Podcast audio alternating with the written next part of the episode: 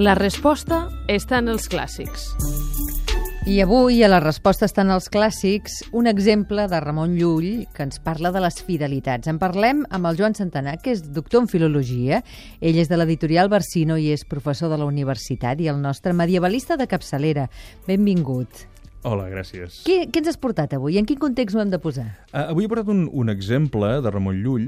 Uh, és un d'aquests exemples de Llull, de Llull uh, com bastant particulars que fet, van, va aconseguir cridar l'atenció fins i tot dels avantguardistes. De Breton cita Llull per aquesta mena d'exemples.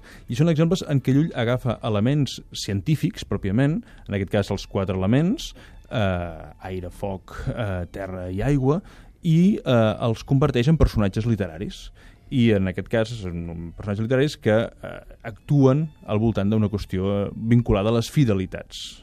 I com diu el fragment? Doncs el, el fragment diu el següent. Diu, el foc i l'aire es varen trobar en un gran buscatge on l'aire havia anat cercant, durant molt de temps, la terra per venjar-se d'una gran maldat que ella li havia fet. I en aquell temps en què el foc i l'aire es varen trobar, el sol es ponia. Per això l'aire va pregar al foc que li fes llum tota aquella nit perquè ell pogués trobar la terra, a qui molt desitjava trobar. Durant molt de temps el foc va pensar si faria llum a l'aire perquè trobés la terra, ja que tenia vergonya de dir que no als pregs que li feia l'aire, i tenia consciència de descobrir la, la terra, que era la seva amiga, a qui l'aire volia destruir i matar.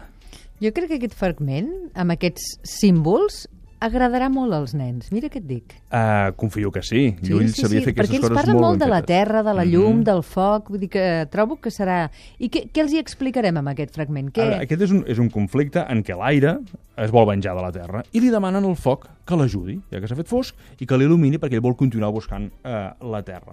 Clar, si ens posem en el lloc eh, del foc, que ha d'il·luminar un amic seu perquè trobi una amiga seva i se'n vengi, dius, com ho hem de fer? Què, què he de fer? I per això el foc, diguem, reflexiona llargament sobre aquesta qüestió.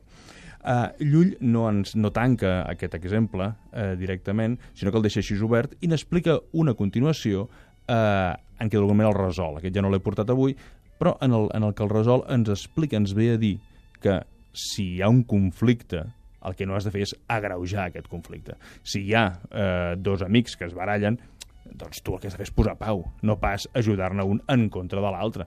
No, no has de fer una, un, un acte de fidelitat en realitat equivocat, perquè llavors estàs fallant a l'altre.